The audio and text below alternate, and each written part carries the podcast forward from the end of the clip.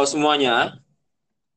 Balik lagi sama gua Rexi dan teman gua Yoel. Ya, halo. Apa kabar Yoel? Baik, baik. Sudah lama sekali dari episode ngobrol jarak jauh yang terakhir ya, yang kayaknya baru satu episode ya? Iya. Satu ya? Yang terakhir, yang terakhir aja belum naik tuh, belum kelar diedit. Oh, iya. ya pokoknya akhirnya kita berhasil menemukan waktu untuk rekaman lagi setelah sekian lama. Nah, benar. Karena ada kesibukan masing-masing ini kebetulan dan Rexi Iya. membawa kabar baik yang akan mungkin akan dibahas di story-nya Rexi juga. Karena Widih. di bio Instagram Bukan sudah tertulis tuh photographer of Wajib. itu Iya, iya, iya. Boleh, boleh. ya itu akan dibahas di Nanti. mungkin di belakang-belakang. Oke, jadi kita bakal ngomongin apa nih Rex?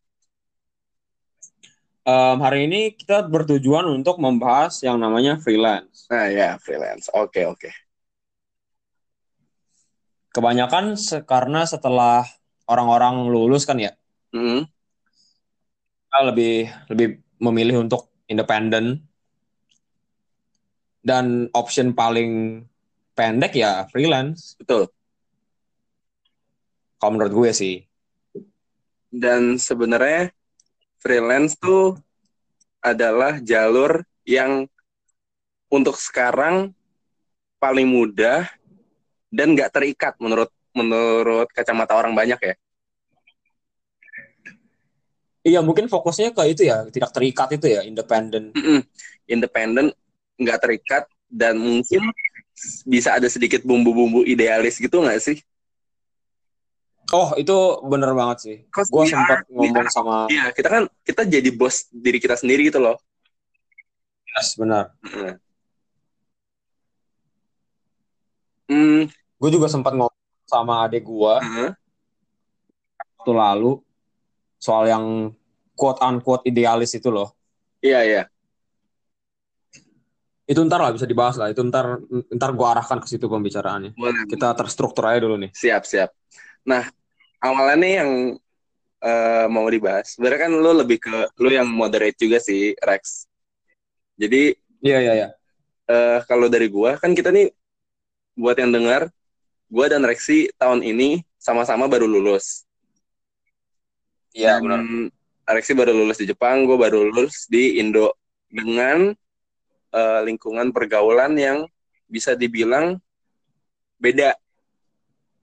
Mahasiswa-mahasiswa iya in a way Jepang, in a way, eh, mindset juga dan tujuan buat studinya tuh gimana beda-beda. benar Karena ada yang memang memilih, misalnya kita bilang lulus nih, habis lulus, gua mau langsung kerja. Atau habis lulus, Iya. gua mau break dulu, gua mau liburan, habis habisin duit, ntar baru cari duit. Atau ada nih, Iya. habis lulus, kayak teman-teman Rexi, dia juga cerita nih, mau ambil Mm-mm. S2, studi lanjut, either S2 atau iya benar yang lagi viral nih, orang gelarnya banyak banget gitu ya, yang mungkin kebanyakan duit atau gimana suppliernya jadi eh, apa donaturnya jadi mau kuliah lagi kuliah lagi terus gitu belajar terus emang hidup untuk belajar gitu ya. Ya. Hmm. Nah eh, kalau gue lebih memilih untuk freelance dulu baru kerja kantoran Eh, dan bisa dibilang freelance memilih freelance instead of kerja kantoran. Pertama itu kenapa tuh? karena ya itu nggak terikat. Terus idealis jadi misalnya gue punya taste nih gue punya ya gue desain ya gue di sini as a designer. Gue punya taste design gue suka nge-layout yang kayak gini.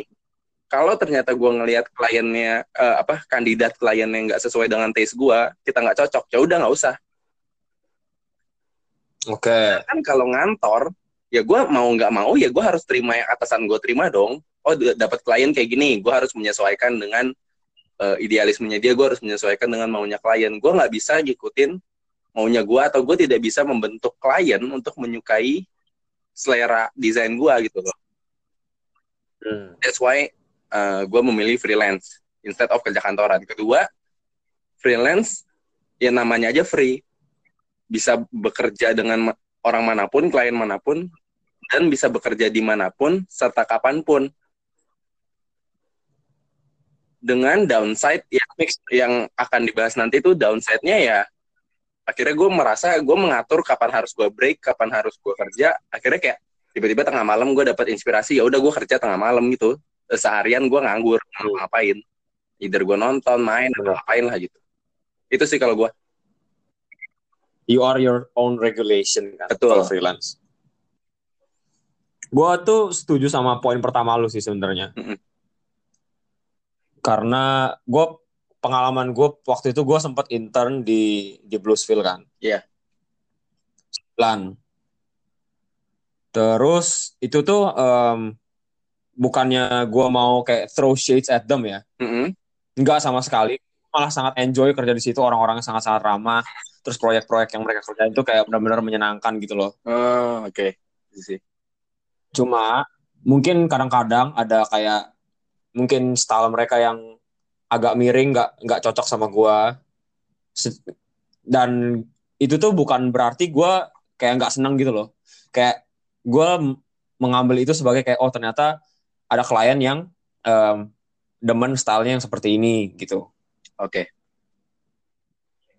Itu juga bisa digunakan menurut gua sebagai kayak apa ya? Bisa ditaruh di portfolio sebagai penanda kalau oh gue bisa versatil loh gitu. Hmm, hmm, hmm, hmm. nya sih gue setuju. Kayak lu nggak lu kayak misalnya kalau misalnya lu kerja sama orang lu ada arahan dari misalnya art directornya gitu. Gitu aja sih kalau yang poin yang pertamanya. Kalau yang poin kedua ya well I think that's a given. Karena you are your own boss you are your own regulation you are your own rule kan. Jadi lu jam berapapun mau kerja terserah. Tapi downside-nya menurut gue itu nggak em, apa ya apa sih namanya lu nggak eh, finansial lu per bulannya itu nggak tetap kan? Hmm, nah eh kita bisa lanjut ke next step nih soal stabil nggak stabilnya si freelance. Nah. Boleh. ternyata gini jadi gue juga sebenarnya baru tahu gue sempat baca either di Instagramnya DKV Daily atau pokoknya ada account-account yang atau desainer humor ya gue lupa pokoknya dia tuh ngomong kayak gini freelance itu ada beberapa tipe. Ada yang freelance bener-bener lu kerjanya project kan.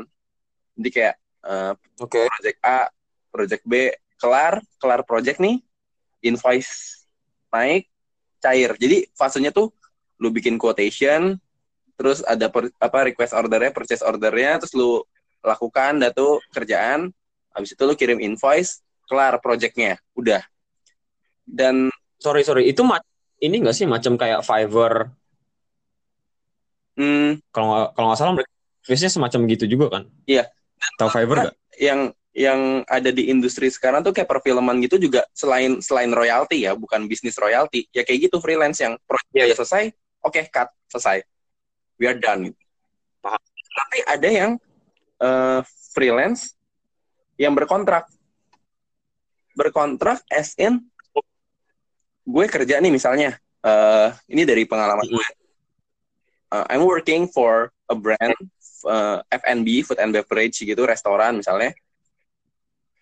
Ya kita tuh udah jalan sekitar enam bulan lebih tujuh tujuh ya jalan delapan bulan dan itu benar-benar ya kerjanya dan itu rutin tiap bulan income-nya rutin. Hmm. Bisa dengan tanda tangan kontrak atau bisa dengan ya udah kinerja lu masih bagus ya udah kita pertahanin. Ntar didiskus kayak eh 30 hari sebelumnya gimana nih? Oke nggak? Oh oke udah udah masih masih oke kerjaannya oke Eh, deliver on time on time. Ya udah proyeknya jalan terus tiap bulan ada lagi ada lagi. Ada yang kayak gitu. Dan menurut gua income freelance yang kayak gitu itu stabil.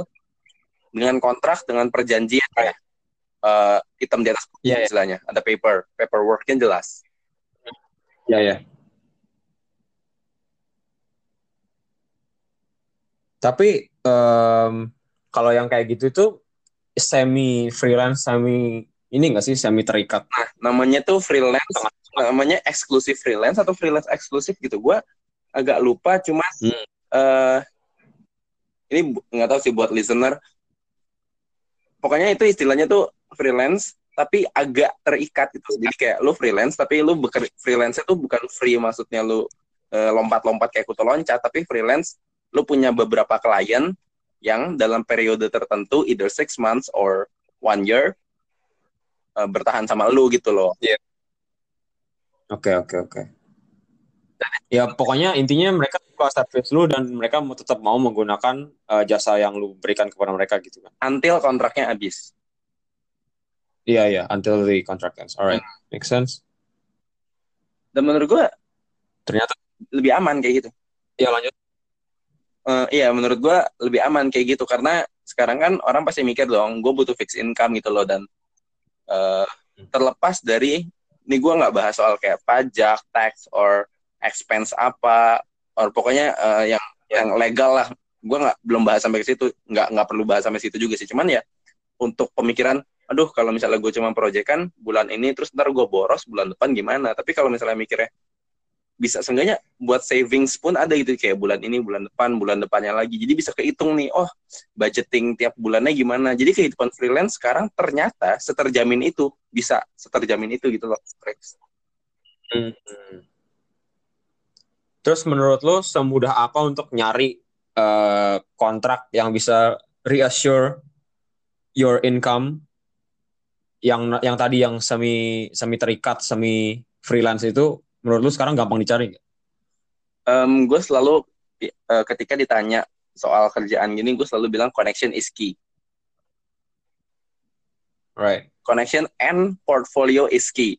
Especially Oke. kita ya, kami nih, buat yang denger, mungkin kalian belum tentu eh, creative worker, pekerja kreatif itu budak seni. Mungkin ada yang kerjanya, oh harus kantoran gitu ya.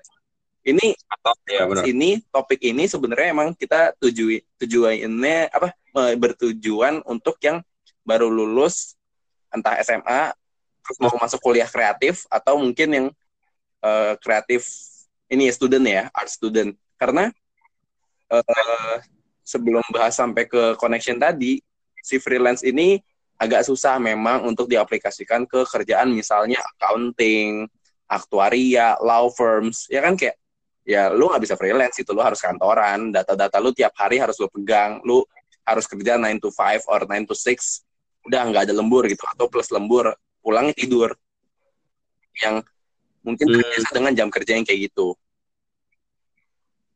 Iya iya iya. balik lagi nih ke gimana caranya dapetin kontrak-kontrak itu dapetin freelance. Nah kalau gue nggak tahu ya abis ini lu deh Rex yang ini dari perspektif lu. Soalnya kalau gue tuh lebih ke ini sih gue tuh tipe orang yang eh, sama sama beberapa teman-teman kita terbiasa eh, apa ya ngomong bahasa jelek itu penjilat bukan penji ya bisa dibilang bahasa jeleknya penjilat bahasa bagusnya ya, tau lah cara ngomong cara nge-reach orang yang beda-beda itu gimana Hmm. misalnya Social capital. Ya, oh ya, oke, berarti ada ada istilahnya ya, ada there's a word for it. Eh, misalnya gue mau nge-reach em, contoh apa ya, Spice Eatery ini yang gue handle, Yap. dan ini udah gue handle dari Oktober, November, Desember, Januari deh, anggap Januari, berarti udah 8 bulan, 9 bulan ya, udah bisa berangkat. Ya. Awalnya dari mana? Gue awalnya gue DM, gue DM eh, Elisa, owner ownernya, gue reach doang itu kayak gue Iya. cari-cari cara gimana harus gue nge-reach dia nih. Entah gue pakai. Tapi gue tidak memanfaatkan teman gue serta merta kayak eh tolong kenalin dong. Enggak ya gue DM gue mungkin agak sebut satu dua nama. Ini bad things sih cuman eh, bisa bad or good. Tergantung gimana caranya. Nggak julid lah pokoknya. Ngomongin hal baik. Oke. oh, gue tahu lu kayaknya lu pernah di sini pernah ikut ini. Terus ntar ketika lu udah dapetin attention dia attention target si kliennya Mm. gue baru ngasih lihat nih oh ternyata gue capable of doing this. Gue bisa foto gue bisa video gue pernah bikin video kayak gini ada portfolio kayak gini and then after ngasih portfolio kita proof. Biasa kalau orang ngelamar kerja atau apa kan dikasih tes ini kita proof gitu. Ternyata bisa dan hasilnya bagus. Dia suka. Then we make a deal. Oke lu bisnis lu bakal bertahan berapa lama nih? Let's say oke five years. Oke coba kita coba ya. Yeah. tahun pertama kita lihat nih. Atau mungkin first six months dulu nih bakal gimana? Mau bikin kayak apa? Hmm. ke depannya apa? Rilis menu buka offline segala macam. Akhirnya sampai sekarang itu berjalan terus dan sejujurnya gue dan dia itu terikatnya ya karena itu karena udah network aja udah connect jadi bukan yang kontrak gimana banget tapi kita saling tahu bahwa I need you and you need me gitu jadi kita akan terus berusaha Oke. content together in this business ada juga yang Alright. eh, kontrak 6 bulan F&B juga kebetulan kontraknya Mm-mm. putus tengah-tengah karena dia bisnisnya tutup Nah ini juga bisa jadi pemikiran juga nih. Kalau udah kerja freelance terus tiba-tiba bisnisnya tutup, kalau udah tanda tangan dari Sumatera itu gimana? Hmm. Eh itu juga cara gue ngereach kliennya kayak gitu. Gimana bisa sampai akhirnya dia mau kontrak segala macam? Pas meeting awal meeting, oke lah makan dulu, minum dulu, udah nyaman nih. Terus ntar gue bilang, oh dari Hmm. interior restoran lu gini ya. Kalau dari foto-foto konten lu sebelumnya kayak gini ya. Kalau dari media mungkin menu atau apa kok kayaknya gini gini gini. Gue pernah bikin di sini kayak gini gini gini. Akhirnya mereka kayak, oh ternyata lu punya fresh idea yang gue need gitu. Eh demand ketemu supply. Oke. dan di situ tuh titiknya oke gue mau lu nah tapi tetap jadinya freelance jatuhnya nggak nggak dedicated jadi in-house designer atau in-house content producer digital marketing gitu. Iya. itu dari gue sih buat cara dapetin connectionnya cara dapetin freelance sampai akhirnya eh dapat project jangka panjang yang stabil lah bisa dibilang. Kalau gua sih eh, mungkin gua lebih kebalikan dari lu ya sedikit. Hmm. Karena selama gua juga gua keba- lebih banyak itu kerja di bawah di bawah institusi gitu loh, nggak institusi juga sih gimana sebutnya ya? Di bawah something lah. ya ada ada ada struktur organisasi yang jelas Bener. Kayak misalnya di kampus nih, Mm-mm. klub gua kan gua yang handle itunya apa segala eh, konten, foto, video, Yang gitu-gitu kan. Itu ya? Itu. Iya iya. Oke. yang TIUMUN itu tuh digantinya sama sekolah tuh kayak misalnya gue lomba nih yang ke jauh-jauh ke dari sini ke Osaka tuh misalnya kan lumayan tuh tiket bolak-baliknya. Yes. Kayak terus di sana dan lombanya itu nggak biasanya gue lomba tuh nggak sehari doang jadi bisa kayak empat hari tiga empat hari lah. Dan itu tuh butuh akomodasi butuh makan jadi ditawarin sama sekolahnya itu gimana kalau misalnya kamu kalian gitu gue sama kelompok teman-teman gue kita eh, kita rombak kita kita yang atur kita self self produce kita atur sendiri struktur organisasinya segala segala macam terus sekolah tuh cuma ngurusin udah izin doang izin pergi izin izin, izin cabut. Tapi da- kalau misalnya kita berprestasi itu tuh di bakal semuanya dibayarin gitu loh. Reimburse atau dari tiket gimana? Sistemnya reimburse atau emang udah udah yakin lu yakin oh pasti diganti gitu? Oh emang emang mereka udah bilang lu mau ke mana aja? Kita tinggal kasih izin. Eh, bakal bakal bahkan temen gue ada yang pernah lomba keluar Jepang. Ya nggak maksudnya berarti terjamin kan aman. Nggak terjamin. Kayak ada ada mutualismenya gitu loh sama institusi oke ini oke. gitu. Oke lanjut. Terus yang Bluesville itu juga begitu kan? Mm-mm. Kayak lu kerja di bawah kita eh, as intern junior photographer terus ntar dibayar segini gitu. Ada bayarannya. Lu eh, lebih ke yang di bawah di bawah orang gitu sih. Dan gue juga eh ini buat yang nggak tahu gue nggak ada art degree sama sekali ya. Jadi gue pegang fotografi kan agak otodidak. agak belakang belakang nih sebenarnya. Gimana? Otodidak. Iya otodidak. Hmm. Ho- hobi-hobi gue kan misalnya udah hobi foto dari lama sih cuman kayak bener-bener baru fokusin itu baru pas kuliah aja. Karena emang demen gitu. Jadi dari situlah gue karena kayak di sekitar gue juga nggak ada orang yang nggak misalnya nggak ada anak-anak seni. Jadi gue kayak mau ngomongin ini nggak tahu sama siapa gitu lah jadi semuanya sendirilah intinya. Dan itu bukan berarti hal yang nggak nggak nggak entirely it's a good thing gitu loh. Karena su- sulit sulit menurut gue dan apalagi kalau misalnya di sini kayak mau reach out ke orang-orang misalnya lu ke Elisa gitu. Yes. Kayak masih it's possible kan lu masih di Jakarta. Mm-mm. kan gue di circle circle gue di sini tuh gimana ya? Kurang ada yang peduli gituan sih. Di Jepang di Jepang. Reaksi di Jepang ya buat yang lupa mungkin. Oh iya iya. Maaf tidak dispesifikasikan. Iya. Buat di Jepang maksudnya Wah. Itu. Jadi kalau misalnya gua gimana caranya lu bisa dapat kerja di bawah orang tuh ya satu ya tadi yang Yoel bilang portfolio lu harus gimana ya ya step up your portfolio game lah.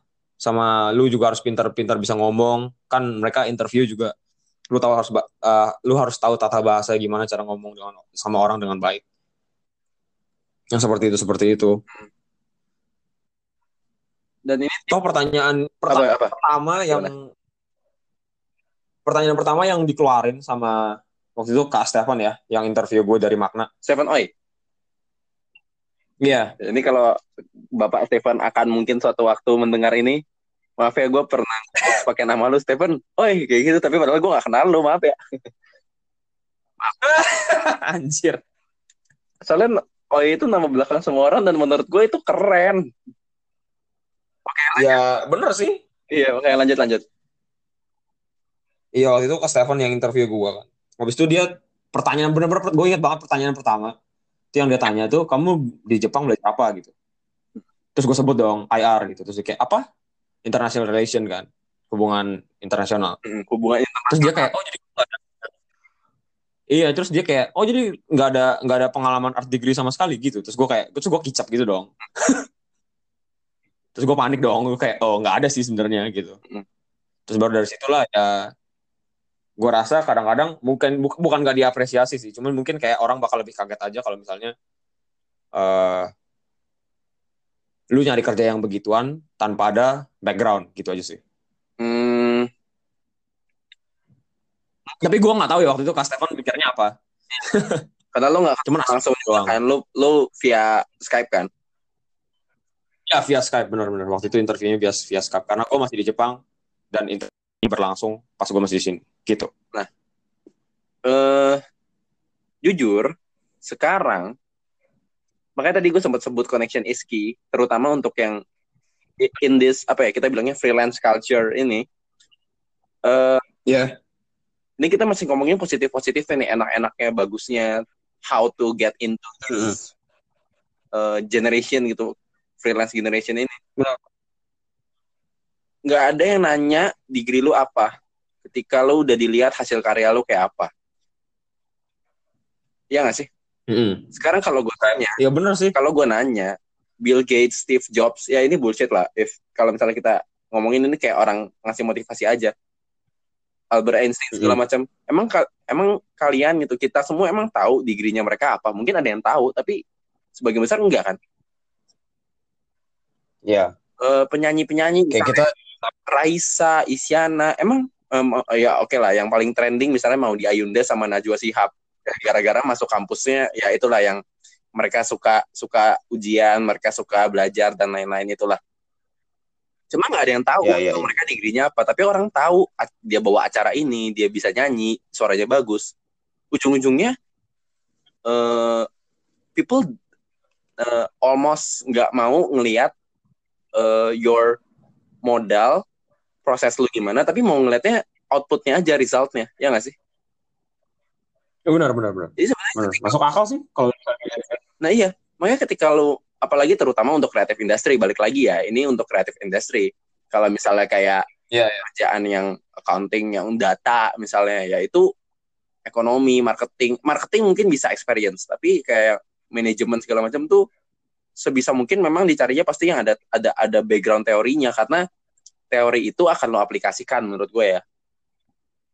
Karena sekarang Iya iya. dari dari freelance freelance ini pun jadi ya itu yang namanya dunia berputar dari gadget segala teknologi segala macam kerjaan kayak gini pun berputar. Dari yang dulu pasti zaman dulu pernah ada eranya kerjaan tuh lepas-lepas gini loh. Proyekan cuman kerja saling kenal kerja sa- sesama temen habis itu mulai iya. bi- ada culture. Gimana kalau misalnya kita bikin kantoran organisasi atau apa? Ya kan? Udah mulai. Lalu sekarang pecah lagi. Freelance freelance freelance lagi. Kerjaan lepas proyekan. Tapi sekarang kalau kita sadar nggak sadar kita ini adalah agensi masing-masing. Paham nggak? Tangkap nggak itu kira-kira? We are our Agensi masing-masing. tapi kita adalah agensi masing-masing. Sadar nggak sadar kita adalah kreatif agency tanpa perlu ada nama. Karena kenapa? Misalnya nih eh, gue gue punya teman Ya. desainer terus misalnya lu fotografer nih gue sebagai desainer juga Mm-mm. terus gue dapat project berarti gue jadi AE dong ketika gue dapat project terus gue harus megang sosmednya gue jadi kayak digital marketing Ya. jadi kayak content creatornya juga terus gue ngedirect Ya. desainer buat bikin desain yang klien mau via gue gue ngedirect gue art directornya juga ada fotografernya juga Oke. yang bikin konten ujung-ujungnya jadi agensi juga agensi-agensi kecil yang paling dua tiga orang atau mungkin satu orang itu jadi the whole agency dia yang handle gitu loh. Freelance Hmm. culture ini Well, in in this uh, creative creative freelance culture ini di creative industry menurut Ya. gua tiap orang tuh agensinya masing-masing karena percaya atau enggak misalnya let's say lu di tempat kerja lu yang nanti akan lu masuk ini dan gua sekarang mungkin Mhm. gua lagi lama actively applying misalnya atau gue di tempat kerja gue yang sekarang tiap kita tuh punya kerjaan masing-masing yang kita adalah leadernya di situ gitu loh. Kita di lead mungkin di kantor tapi kita jadi leader untuk di project yang lain. Ketika hmm. apa dengan freelance ini? Kita sebagai freelance itu punya apa sebebas itu untuk workflow segala macem. Jadi kayak kita diatur terus ntar kita ngatur gitu.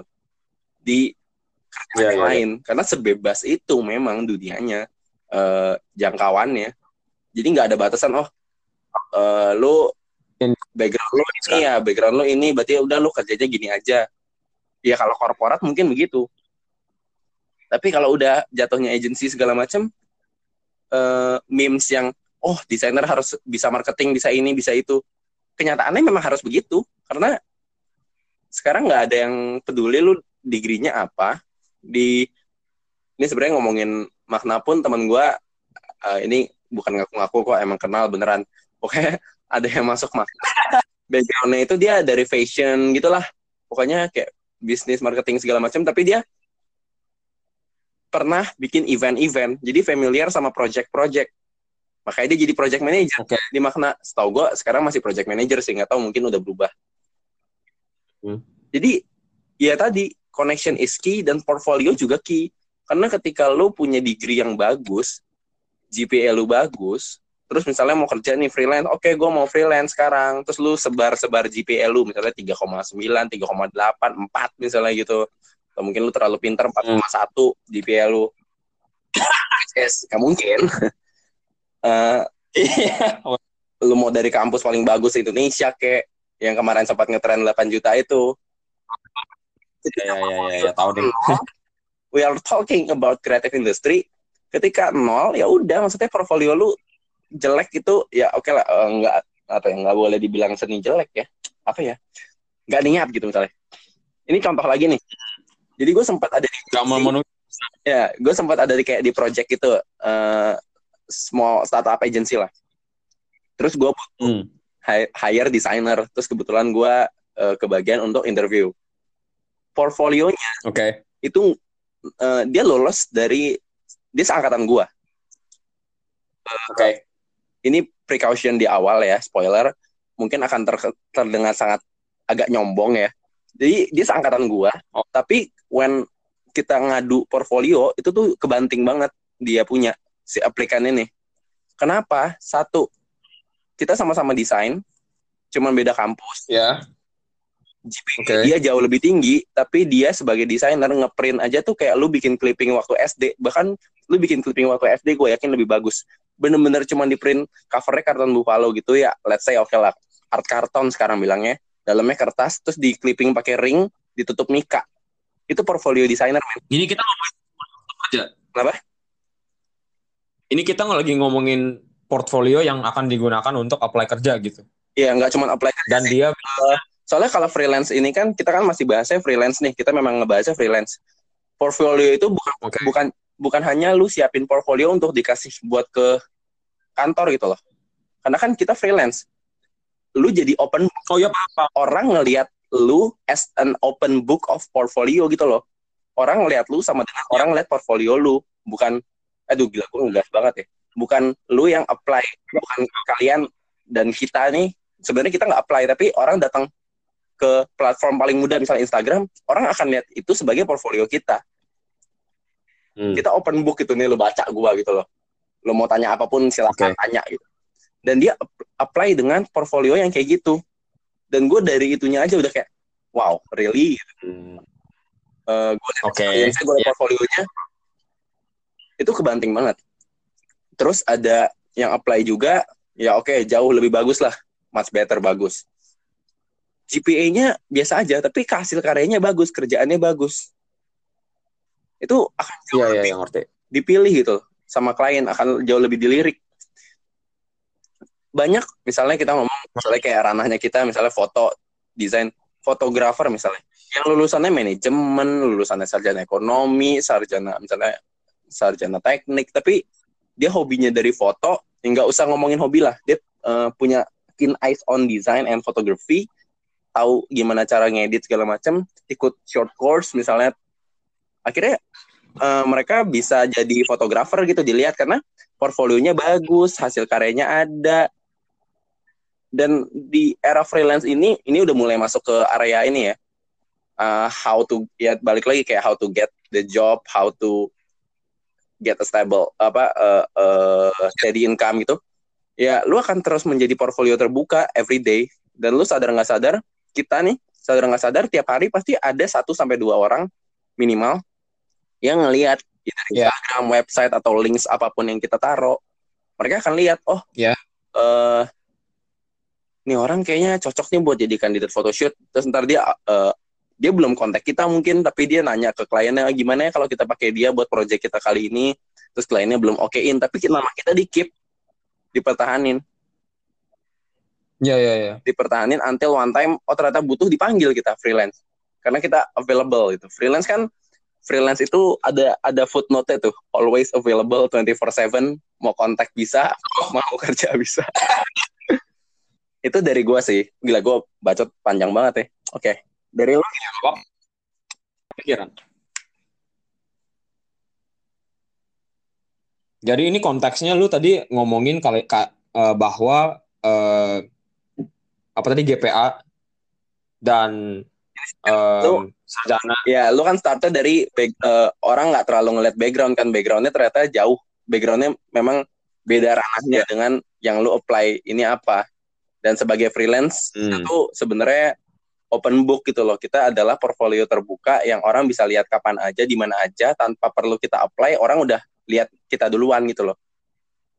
Itu sih. Apalagi sekarang udah ada apa? Ada yang the rise of social media, Instagram kan. Betul. And it's not hard to make uh, a website of your own these days. Kayak banyak service-service yang um, memadai, yes. gitu kan kayak jadi nggak ada alasan menurut gue untuk kayak aduh gue nggak ngerti teknologi nih gue tidak paham yang namanya IT atau bikin-bikin apa bikin-bikin website let alone yes. apa memperbaik memperbaiki Instagram gue even penjual bubur aja udah punya Instagram jadi nggak ada alasan tuh penjual bubur loh jual bubur ayam depan kampus gue itu punya Instagram dan dia udah ngerti marketing. Nah. Everyone that follow his Instagram itu dapat free bubur. Hmm. Free market itu itu benar-benar That's S3 marketing Harvard. Iya, makanya. Iya makanya berarti ya benar sih um, kayak nggak ada salahnya untuk menaruh diri lu di luar sana walaupun gimana ya walaupun uh, sarjana lu berbeda sam berbeda sama yang ingin lu achieve. Gue sempat ngomong kan di podcast pertama kita ya kalau nggak salah ya, apa yes. yang ngomongin lensa itu nggak yang naik yang nggak sampai sekarang. Ya. Yeah itu uh, kalau apa namanya kalau gue sempat minder gitu sama sama orang sekian sekian orang yang punya art background punya degree di uh, di field yang gue ingin achieve ini gitu loh iya yeah. Tapi kenyataan tidak seperti itu juga walaupun sebenarnya ya bener ya nggak seperti itu juga karena lu udah bisa taruh diri lu di luar sana dan orang-orang bisa akses let's say your Instagram profile anytime they want kan karena unless you lock it ya. ya sih, betul. Soalnya di private, tapi kalau di private itu berarti ya, ya berarti lu memang tidak bekerja di area situ gitu. Iya iya iya. Kalau di ya you have your own reasons for privating your account lah. Iya iya.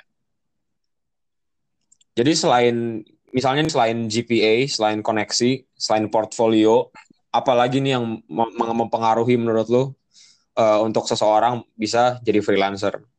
Work ethic sih kalau dari gue. Work ethic. Gue tipe yang ini ini gimana gue lagi sih. Gue tipe yang sangat amat mageran sebenarnya untuk kerja. Tapi we know we all do need money and something uh, to eat. Mungkin masih kalau masih hidup sama keluarga ya oke okay lah. Mungkin buat yang masih ya buat yang sekarang udah mulai hidup kos segala macam kan, you need to mikir juga dong, aduh gue gila, gue hidup gimana kalau udah nggak dapet duit dari orang tua lagi gitu kan? Atau dapat duit dari orang yeah. tua pun kan misalnya duit dari orang tua buat travel atau apa tapi ntar lo harus ada uang jajan sendiri untuk uh, having fun or do anything that you want gitu Iya, iya. jadi work ethics tuh gimana caranya lu sebagai freelance nih ini sebelum kita belum ngomongin downside downside freelance sih. Kita belum ngata-ngatain kerjaan kita sendiri sebenarnya. Tapi ya ini iya habis ini habis ini. ya masuknya lebih ke tips sih tapi nggak apa-apa. Sekarang uh, tipis-tipisnya dulu. Work ethics itu perlu karena kalau misalnya kita kita sebebas-bebasnya kita ini kalau misalnya kita nggak bisa ngatur waktu ya kapan kita harus kerja kapan kita harus disuruh balik lagi kita kan maunya kita jadi bos diri kita sendiri.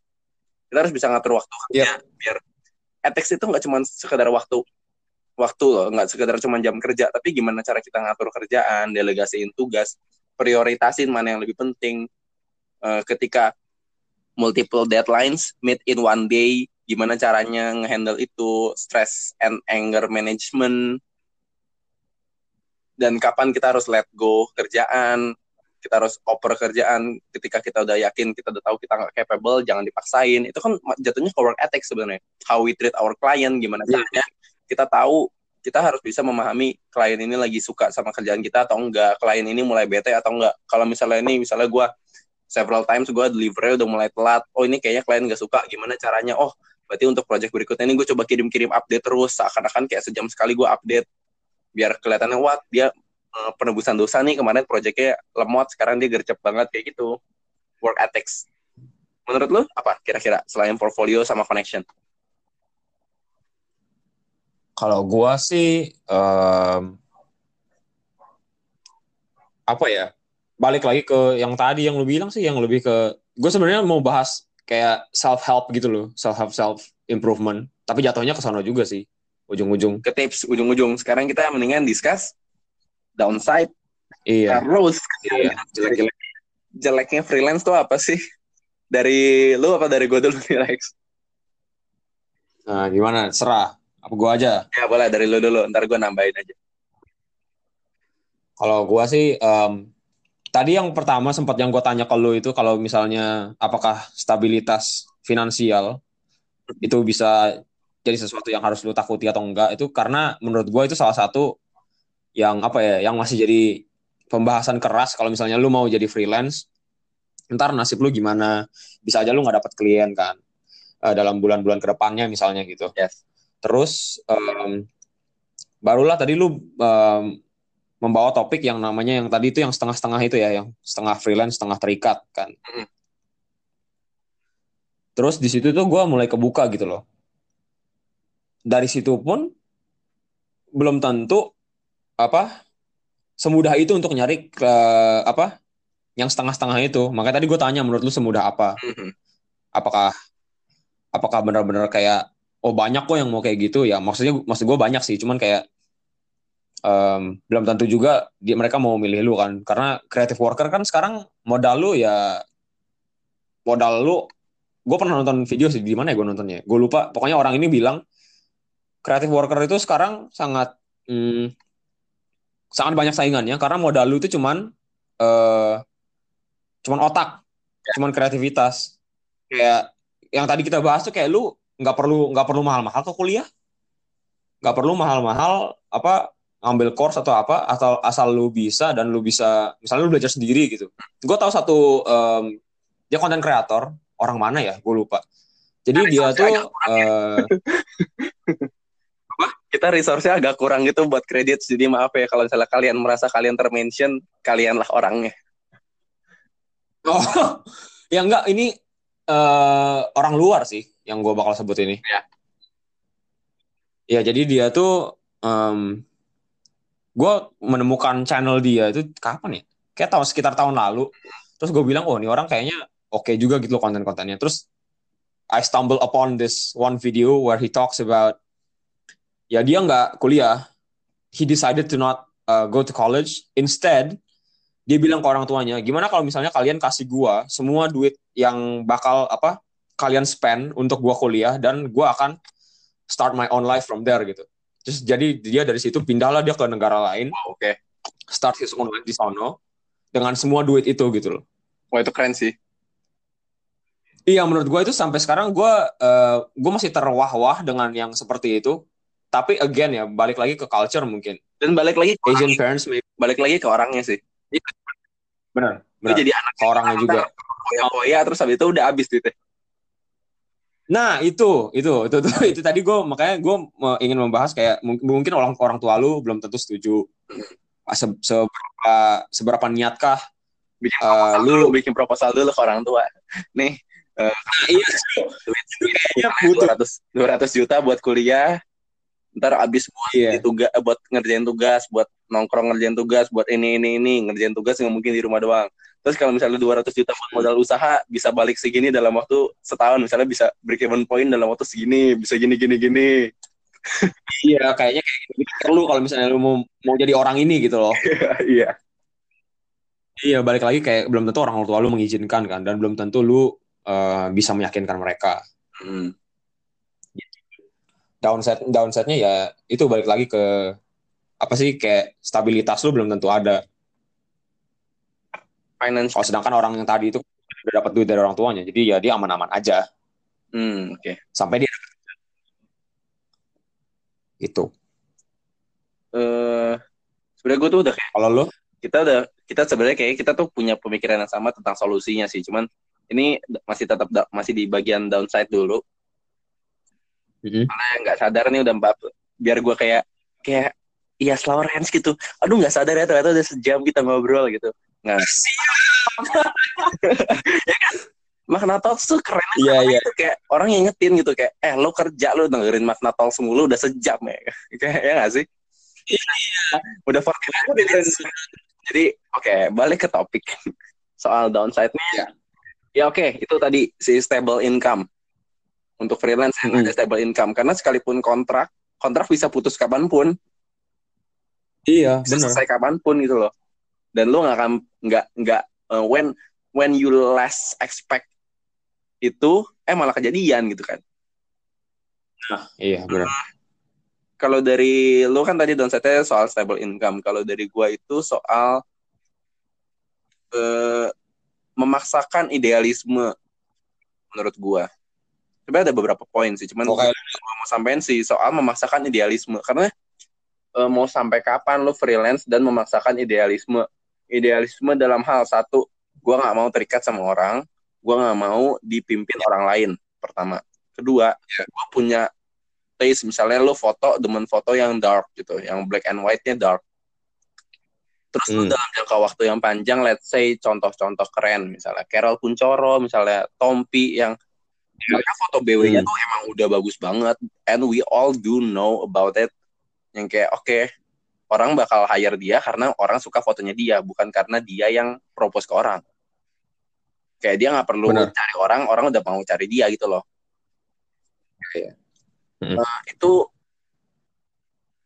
menurut gua ketika lo udah klik gitu ketika lo punya hoki yang pas hoki skill dan segala macam yang ketemu ya itu oke gitu lu aman-aman aja nyaman freelance kan kayak sekarang ngomongin misalnya Carol piara foto dan beberapa foto-foto yang lainnya dia foto service itu kan freelance semua Sweet Escape. Semuanya kan freelance tapi stable income. Karena oh gue mau fotografer yang ini gue mau desainer yang ini gue mau agency misalnya. Agency kan juga hidupnya karena project kan. Kita bisa bilang agency itu nggak stabil loh karena meskipun dia backingan perusahaan eh, kecuali dia backingan perusahaan dia nggak stabil. Iya iya, Agency ngerti yang ngerti. di backup. Misalnya agensi yang di backup misalnya kayak Densu segala macem. Densu eh, terus ada SAC yang di backup Jarum terus ada yang di backup backup juga. Itu kan aman gitu maksud gua. Nggak nggak nggak terlalu Hmm. lah kayak ya udahlah masih ada backupan. Tapi kalau misalnya agensi yang lain kan proyekan juga. Ketika lu kerja proyekan cuman kontrak setahun sampai lima tahun lah setelah lima tahun lu mau ke mana gitu? Lu mau gimana lu mau nyicil rumah mau lunasin segala macam kehidupan lu in the future gitu. Let's say nggak usah nyari rumah apartemen aja. Kan lu nyicil seumur hidup gitu maksudnya ada ada jangka waktu yang panjangnya kalau duit lu tiba-tiba hilang gimana nggak ada jaminan apa pun. Itu itu juga tuh. Selain Hmm. yang tadi ini juga jaminannya. Jaminan benar. Ya kan kalau tadi itu soal sih memaksakan idealisme ya prinsip lu kayak gitu ya. Lu mau bertahan sampai kapan kalau lu ternyata dalam jangka waktu yang oke oke kasih gue setahun gue bakal bisa ngerjain kayak gini. Eh udah setahun nggak jadi jadi juga. Ya lu harus eh, bukan giving up sih ya. Lu harus mencoba metode lain gitu yang yang tadi juga ya itu ngomongin soal nggak ada jaminannya. Karena uh, lu freelance lu nggak punya jaminan kesehatan lu sakit ya udah ke rumah sakit. Kalau uh, tiba-tiba ada kecelakaan atau apa ya ya kalau ada asuransi. Cuman kebanyakan tempat kebanyakan hal tuh butuh misalnya visa butuh oh lu kerja di mana butuh surat rekomendasi segala macam itu kan harus dari kantor harus ada jaminan kantor. Harus ada fixed yeah. income. Terus soal hmm. orang suka gini kan uh, eh, gue suka baca komentar netizen. Uh, mereka semua, semua komen itu tapi mereka kerjanya freelance juga nggak bayar pajak. Dari dari invoice invoice nya pun nggak kepotong pajak. Misalnya kerja sama company gitu dia freelance tapi ke company tertentu brand-brand. Uh, brandnya juga nggak bayar pajak. Tapi komplain soal fasilitas negara macam-macam lah kan ya nggak bisa juga dong Benar, benar, kan lu tidak lu tidak menjamin, lu tidak terjamin juga jaminan kesehatan nggak ada, jaminan tadi kayak dari lu jaminan income nggak ada. Ya, gak ya. ada apa pun gitu. Hidup lu sebebas itu dan lu lu pun bisa lu bisa jago sejago jagonya tapi lu bisa drop sedrop dropnya juga gitu lu udah diangkat tinggi tinggi di freelance ini entar tiba-tiba kelepas udah miskin Terlepas mungkin itu solusi ngatur savings dan lain-lain ya oke misalnya yeah, yeah. ada media kayak Genius dan segala macam yang lo bisa save yeah. more lo bisa savings lo bisa punya segala macam gitu maksudnya udah tau lah alokasi dananya kalau orang kan sekarang udah udah mulai ini apa ngetren tuh stock bit aplikasi-aplikasi saham yang oh bisa nanam saham yeah. dari kecil atau investasi properti ya itu bagus cuman kan kalau nggak ada stable income lu saham lu mau nyuntik dari mana deposito segala macam lu mau masukin duit dari mana kalau lu nggak punya pendapatan lagi gitu kan. Savings lu kan akan habis hmm. karena lu punya savings tapi lu punya expense. Lu punya pos savings yang yeah. lain tapi lu akan pakai mereka untuk keperluan yang lu simpen. Misalnya oh di Genius nih bikin pos tabungan gue mau travel terkekumpul terus yeah. habis kan habis traveling lu harus cari duit lagi. Duit itu mau dari bunga dari bunga nggak bisa. Itu ya balik lagi finansial juga. Jadi secara finansial nggak stabil secara jaminan nggak ada jaminannya terus soal memaksa idealismenya jadi ya lama-lama harus tergoyah. idealisme karena idealisme itu musuh terbesar di diri kita sendiri sih menurut gua. Salah satu musuh. Hmm. itu sih. Hmm.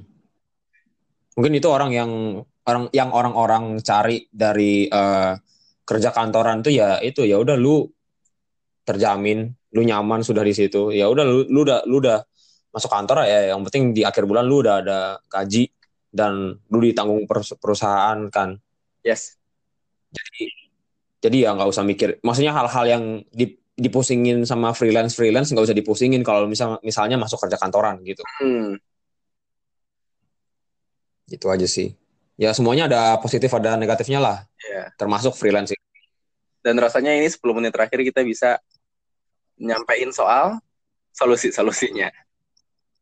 Mantap. Dari gue dulu deh eh, gue boleh dikit dulu waktu gue sempat magang di Tokped Tokopedia uh, for a few months Yuk. dan di sana itu tidak disembunyikan bahwa kita semua yang kami semua yang bekerja di kreatif ini punya side job hmm. Uh, freelance projects yang kita kerjain after office hour and weekends dan atasan nggak apa-apa kan sama itu kan sebenarnya. Uh, atasannya juga begitu soalnya. Nah, oh ya udah berarti lebih nggak apa-apa lagi. sebenarnya ini eh, gue minta maaf kalau misalnya ternyata ini di luar kontrak atau apa. Tapi setahu gue ini nggak gimana banget karena selama lo tidak mengerjakan pekerjaan itu di kantor sebenarnya.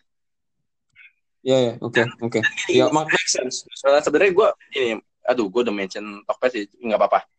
Selama sebenarnya di mana pun sih, ketika lu lagi kerjain sesuatu ya lu get that shit done dulu baru lu ngerjain yang lain ketika lu deliver hmm. lu terikat di kantor gitu ya uh, hmm. lu hmm, ngerjain kerjaan lain tapi kerjaan kantor lu belum kelar ya itu di mana pun kantor juga nggak usah kantornya lu aja pasti mikir itu salah itu kan iya yeah. Uh, terus itu lebih nyangkut ke solusi ini freelance iya, tapi kerja kantoran juga iya. Dan freelance-nya uh, bisa freelance yang terikat, ada. tapi harus freelance yang project. Oke, oke. Karena ketika lu eh, orang taunya lu freelance, terus lu ngantor ternyata, terus abis itu kerjaannya ternyata yang kayak tadi eh, apa freelance yang terikat itu akan susah karena udah kejadian sama gue nih. Gue kerja kantoran, Hmm. sempat kerja kantoran, terus kerja kantoran pun gue harus bawa laptop everyday gitu. Maksudnya everyday everywhere gue harus bawa bawa laptop karena tiba-tiba aja misalnya oh nih Paham. desain gini butuh revisi ini butuh ini kan gue harus kerjain dong nggak bisa enggak karena orang tahunya gue freelance gitu Iya, iya. Mereka Mm-mm. tahunya gue bekerja untuk mereka the whole time karena Iya, ada iya. persetujuan. Dari situ kan eh repotnya itu kelabakan sendiri. Work ethics-nya berubah dong. Kayak ya lu tidak bisa multitasking gitu. Karena sebenarnya pada dasarnya multitasking adalah bullshit. Lu kerja cuma bisa one job at a time. Ya nggak sih? Iya, iya. lu Hmm. mau ada tiga laptop di depan lu pun lu akan fokus ke satu gitu. Meskipun tiga laptop megang tiga klien atau brand or project yang beda-beda namanya lagi otaknya ke situ ya ke situ. Apalagi kita kreatif yang Hmm. Buat ngerjain satu satu desain satu desain satu foto satu Yep. apa pun butuh butuh proses gitu. Iya. oke bikin satu desain. Kayak deadline-nya besok atau deadline-nya masih minggu depan deadline-nya sebulan lagi. Mungkin seminggu baru ketemu itu inspirasinya. Bukan karena mepet tapi karena ya emang baru klik gitu loh. Setelah nonton film dengar musik main ini main itu oh ternyata ide ini bisa gue gabungin gitu. Jadi kayak gini. Dan rasanya kalau misal freelance ya apa ya kayak buat time management jadi agak butuh ini sih. Kalau lu udah makanya tadi balik lagi yang si solusi itu work ethics-nya harus dibetulin dulu. Ketika lu udah punya time management yang bagus gue nggak menggurui juga ya karena gue sendiri juga time management nggak tahu lu gimana Rex. Tapi kalau gue juga time management masih agak susah banget gitu. Hmm, hmm, untuk freelance ini kan ya bebas tapi tetap harus ada time management yang jelas. Kalau misalnya time management yang nggak jelas ya kacau juga gitu. Makanya si solusi yang lu kerja kantoran plus freelance itu bisa terjadi eh, kalau time managementnya udah bagus. Iya, iya, solusi yang pertama sih kalau dari gua. Jadi benar-benar lu kerja kantoran juga jadi itu itu tercoret semua tuh yang tadi jelek-jeleknya yang kayak nggak ada jaminan kerja jaminan kesehatan nggak ada jaminan duit. Ya lu udah kerja lu tanda tangan kontrak dengan kantor plus jaminan jaminannya udah aman kah? Maksudnya untuk untuk jangka waktu kontrak karena kan misalnya lu kerja buat korporat misalnya ada nama PT jelas ada background jelas terus prospeknya dalam lima tahun juga tetap sustain misalnya. Yang ya 3 sampai lima tahun bertahan atau 10 tahun ke depan masih bagus ya udah. Karena eh, Ya, ini poin eh, apa yang eh, kalimat terakhir dulu dari poin gue jarang anak sekarang yang termasuk gue yang mikir oh gue mau kerja 10 tahun terus dapat pesangon atau mau mau kerja sampai pensiun nggak ada masih mikirnya gue bisa kerja tiap hari seumur hidup gue Iya, iya. itu dari gue yang Hmm, poin oke. pertama jadi eh, solusinya yaitu kalau bisa kalau memang time management udah bagus cari kerjaan yang tetap terus ngambil freelance itu project-project kecil kalau misalnya memang laptop Hmm. capable lu capable secara time management dan klien oke oke lu boleh kerjanya setelah work hour lu gitu ya oke Iya. jalan kayak gitu lanjut Ya, kalau dari kalau dari gue sih nggak nggak sama sih, tapi mirip. Tapi eh, lu tahu itu nggak brand brand clothing di Indo namanya Untucked. antak eh, U Iya. UMTCKB Iya, iya, iya, iya. ya ya familiar Ceritanya itu mereka eh, dulu gitu kerja kantoran. Tapi em, jualan baju ini, jualan clothing ini cuman kayak sampingan gitu loh. Mm-mm. Terus mereka ya pinternya gue rasa di situ sih. Mereka kerja sampai mereka sampai savings mereka tuh memadai eh, memadai di mana mereka bisa bisa quit their job, their their desk job, their office job and go full time within this company that they made themselves gitu loh. Mhm. Mungkin ini arahannya bukan bukan freelance 100% ya, tapi kalau misalnya kita punya project-project yang kita yang tadi lu bilang personal, project gitu loh. side project yes Iya, iya. Jujur gue gue juga kayak gitu. Gue pengen punya studio sendiri. Mm-mm. ya Gua- kita juga gitu ya iya kan. maksudnya kebanyakan yang tadi lu bahas yang kita orang-orang yang sekarang ini kita kebanyakan ya begitulah kita punya we have our own dreams we have um, our own things that we wanna achieve. Ya gue juga pernah disaranin sama dikasih disebut gitu loh di dibisikin sama temen gue kayak ya udah lu jangan jangan ngotot kalau emang nggak bisa freelance ya jangan dipaksa. Cari dulu kerjaan yang bisa uh, support lo.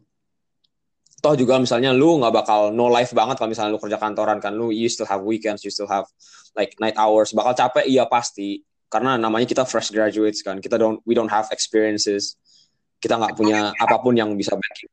Actually we have. Gimana? Actually kalau about ini mungkin di solusi yang berikutnya ya. Ini kan bisa. ntar kalau masih kuliah ntar ya. Actually we have. Itu jawabannya aja sih. Sebenarnya kita punya pengalaman yang bisa kita cari selagi waktu kita kuliah dan selagi waktu-waktu yang disediakan oleh kampus. Misalnya holiday. Pokoknya pokoknya banyak sebenarnya kesempatan yang dikasih. Tapi lo lanjutin dulu deh. Ini dari gue yang ya gitu yang yang uh, mungkin pengalaman yang yang uh, kita bahas ini itu lebih ngarah ke kayak misalnya orang-orang yang eh bukan orang-orang kayak misalnya job tenants yang yang sebut kayak oh you you need to have at least three years working experience. Oh, oke. Okay. Gitu kan? Yes. Gitu maksud gue. Mm-hmm. Kalau misalnya pengalaman pribadi sih karena di kuliah, karena gue juga handle klub sekolah, gue handle apa apa kerjaan di mana-mana, kan itu juga termasuk experience dong. Ya. Yeah. Tapi mungkin aja bisa aja kayak misalnya kebalik lagi ke kerjaan kantoran yang tadi gue uh, sebut itu, misalnya mereka you, you, you you're applying for an for an accountant job gitu. Terus they said you, they they posted the the job as in you need a three years working experience, let's say. Yeah. Sedangkan pengalaman-pengalaman lu per, yang tadi misalnya kalau gue nih, kalau gue pribadi pengalaman gue tuh kan lebih buat personal project ya kayak fotografi, terus video segala macam kayak gitu-gitu kan gak, kan nggak masuk kan. Mm -hmm. Yang kayak gitu-gitu loh. Jadi ya start small lah, jangan jangan takut untuk um, uh, go sideways from your dream. Kalau menurut gua sih solusinya jangan jangan jangan terlalu terpaku ke satu arah aja. Oh ya oke. Okay. Ada tambahan? Nah, ini berikut ini. Wah, sebenarnya sudah satu jam ya, tidak terasa. Biasa sudah kita berbicara. Uh, ini nggak tahu sih mungkin abis ini ada satu conclusion dari lu juga dari lu lagi cuma ini dari gue dulu boleh uh, eh, gue jadi gue baru dapat gue baru baca pretty uh, pretty insightful sih menurut gue uh, kemarin gue sempat share di story. Bukan kemarin sih udah lama banget. Jadi ada tuh gitu yang kan lo bilang kayak misalnya aplik uh, aplik applicants harus ada tiga years of experience di bidang ini harus ada ini ini ini pernah jadi ini di sini gitu kan. Persyaratan mm -hmm. itu semua akan bisa tercoret ketika lo punya a good communication skill dan lo ya tadi punya portfolio yang bagus jam terbang lo kelihatan kelihatan juga dari uh, uh, vibes don't lie percaya deh. Gue tahu quotes ini juga dari yeah. salah satu dulu ada koleksi gue workmates atasan gue gitu. Dia ngomong vibes don't lie. Lu bisa tahu ketika yeah, yeah. interview orang ketika lu nggak usah interview ketemu ngobrol lu tahu lu akan klik atau enggak lu bisa tahu dari awal. Itu lu udah ketebak. The whole story of your journey itu udah ketahuan. Benar. Jadi ketika lu Mas kerja enter misalnya ini freelance job segala macam itu tuh udah kelihatan. Sekalipun um, mungkin nggak nyampe tiga tahun atau apa tapi ketahuan pasti mampu sebenarnya capable. Ada capability-nya tinggal di push aja gitu. Ada person mm. di push dia proses jadi produk. Itu 4P gue pernah diajarin juga sih. Jadi okay. yang ketiga ini adalah ketika lo masih kuliah masih masih ibaratnya masih under institution nih sebisa mungkin lo pakai semua channel yang dikasih. Ini buat yang dengar mau masih SD SMP SMA kuliah atau mungkin masih kerja harus uh, manfaatin tuh. Lu dikasih kesempatan intern siapin porto seniat-niatnya supaya lu bisa dapet intern di tempat yang bagus. Atau kalau nggak bagus pun lu belajar sebelajar belajar lu masih punya nama intern jadi lu masih bisa narik info sebanyak banyaknya intern itu bukan budak tapi intern itu adalah orang yang belajar nggak dibayar tapi lu bisa nguras info sebanyak banyaknya Hmm. Ya itu uh, itu pertukarannya lu nggak dibayar tapi lu bisa ya, ya. begitulah. Ya. Intinya you have to pay ya mungkin you have to pay like transport atau apa tapi misalnya lu di apalagi kalau misalnya lu intern dan dibayar itu lu belajar dibayar kayak sekarang tuh istilahnya kalau bekerja bekerja itu adalah belajar yang dibayar sekarang kan dari dulu sih cuman sekarang udah mulai ya. trendingnya itu ya. istilah kerja adalah belajar yang dibayar jadi kalau masih hmm. bisa belajar secara kayak gitu menyerap info lo harus jadi spons yang uh, yang nggak jadi spons juga sih di press keluar lagi cuma maksudnya lo harus bisa menyerap kayak spons tapi lo harus bisa keras kayak solid as a rock yang ya tahan banting juga dan segala macem karena ketika lo hmm. masih kuliah lo masih punya privilege misalnya kayak misalnya apa ya contoh kalau gue misalnya dapat Office Microsoft Office gratis ya terlepas dari itu misalnya opportunity binus misalnya ini ini itu bagus-bagus ya udah lo pakai itu jadi jadi batu loncatan lo gitu loh. Kalau misalnya udah kerja itu tuh orang yeah. udah susah. Kayak lo mau portfolio oh lu udah lulus ya udah gitu lu udah udah terlepas. Lu kampus sudah benar-benar melepas lu dan lu nggak bisa bawa-bawa nama kampus lagi. Lu mau ikut lomba segala macam susah kan?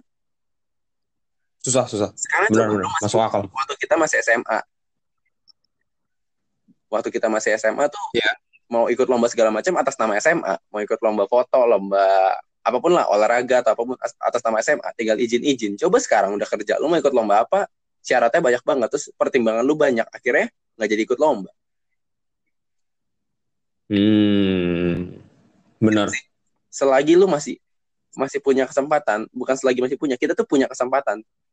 Tapi ambil kesempatan yang ada itu setiap lu merasa ini kesempatan bagus selalu diambil. Jangan kebanyakan pertimbangan gitu ditimbang-timbang mulu nggak bakal turun naik berat badan gitu loh ibarat ibarat lo merasa berat badan lu ya, ya. kurang optimal kurang bagus itu terus lu nimbang-nimbang terus tapi lu nggak pernah olahraga cuma ditimbangan dong lo nggak akan nggak akan progres atau kurusan atau gemukan ya yeah, the same goes for life and Iya, ketika lu udah lu udah punya opportunity nih gitu loh. Jadi jadi pakai lah ya. ya.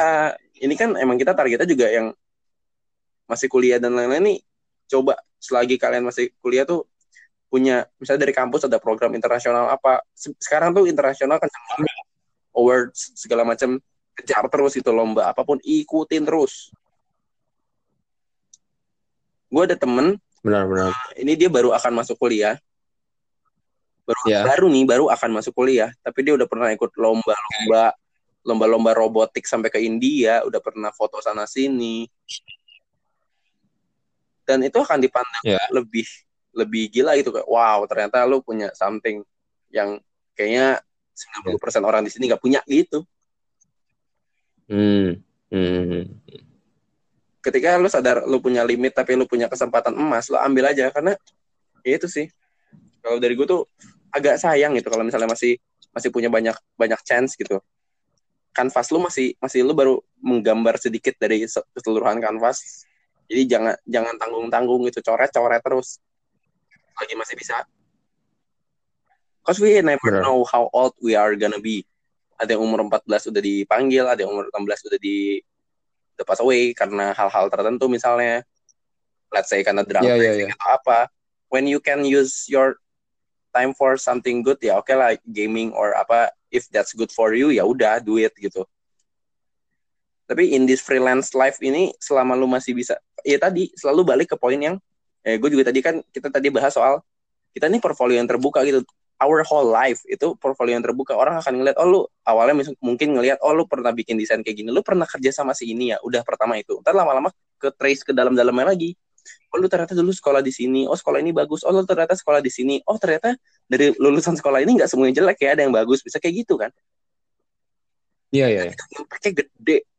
Freelance itu tuh se apa uh, bene, apa impactnya freelance itu ternyata segede itu. Sepositif itu bisa sepositif itu tapi bisa juga sejelek. Oh dia freelance. Oh dia freelance. Apa dia pengangguran ya atau emang dia freelance yang produktif ya? Nggak ada personal project nggak ada apa. Bikinlah personal project.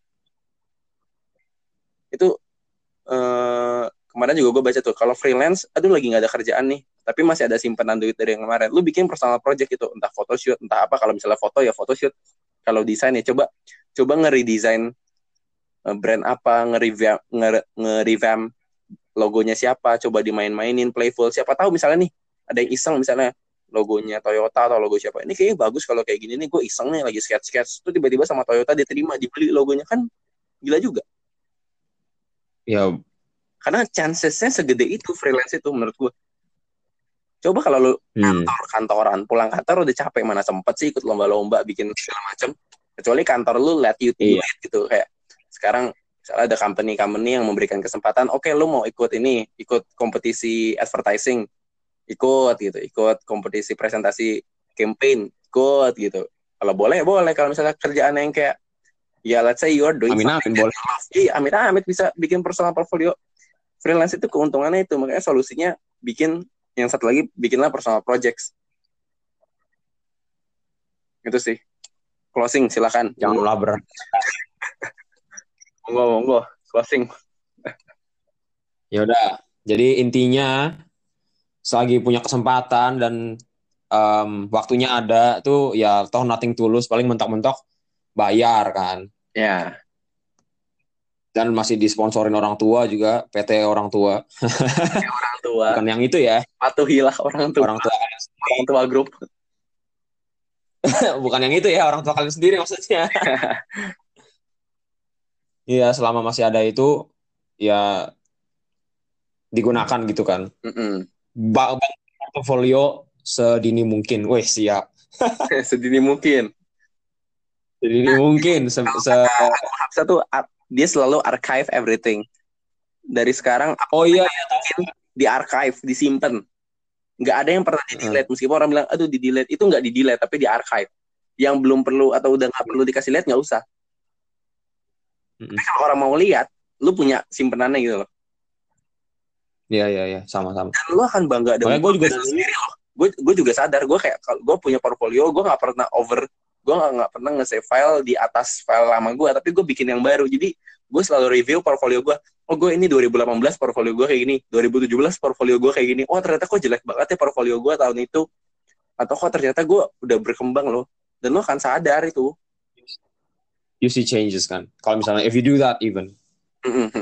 Dan freelance tuh ya Iya. lu punya waktu yang lebih untuk ngerjain portfolio lu daripada yang terjebak di kantor. Mm-mm. oh iya kan tadi kita kelupaan eh kalau lu Apa? kerja di kantor misalnya agensi nih lu misalnya lu juga mungkin akan ngerasain lu mau update portfolio lu aja lu udah nggak sempet udah pusing karena aduh kerjaan gue udah banyak banget tapi yang oh iya bagus Iya. banget yang bener-bener kayak sebangga lu ngerjain personal project tuh kayak nggak ada tapi lu mau taruh di portfolio kayak udah kepenuhan gitu portfolio udah terlalu heavy jadi ya udah ujung-ujungnya ya Iya. gue udah kerja ya intinya gue pernah kerja di sini lu mau lihat kerjaan gue lu lihat lah itu tuh tuh tuh dah kayak gitu Mm-mm, mm-mm. Gitu Iya, iya. Ya pokoknya intinya apa? Chances are out there lah. It's it's up it's up to you. It's up to us whether we want to catch it or not. Mhm. Nah itu it's lying around kan. It's everywhere. Misalnya ada kerjaan gitu, kenapa gak usah takut ya udah coba aja apply, kenapa enggak? Mhm.